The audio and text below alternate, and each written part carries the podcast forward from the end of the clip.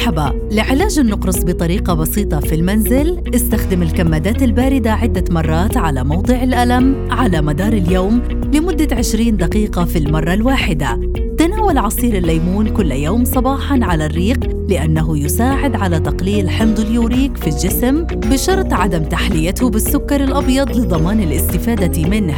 اشرب كمية وفيرة من السوائل الصحية خاصة الماء على مدار اليوم لتحفيز الكلى على تنقية الجسم من مستويات حمض اليوريك العالية. انتبه لنظامك الغذائي وابتعد نهائيا عن المأكولات البحرية والأغذية الدسمة والفاصوليا والسبانخ والمشروبات المحلية بالسكر لأن تناولها يؤدي إلى ارتفاع حمض اليوريك في الجسم.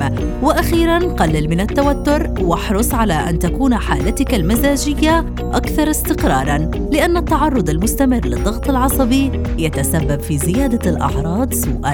إلى اللقاء في وصفة علاجية جديدة.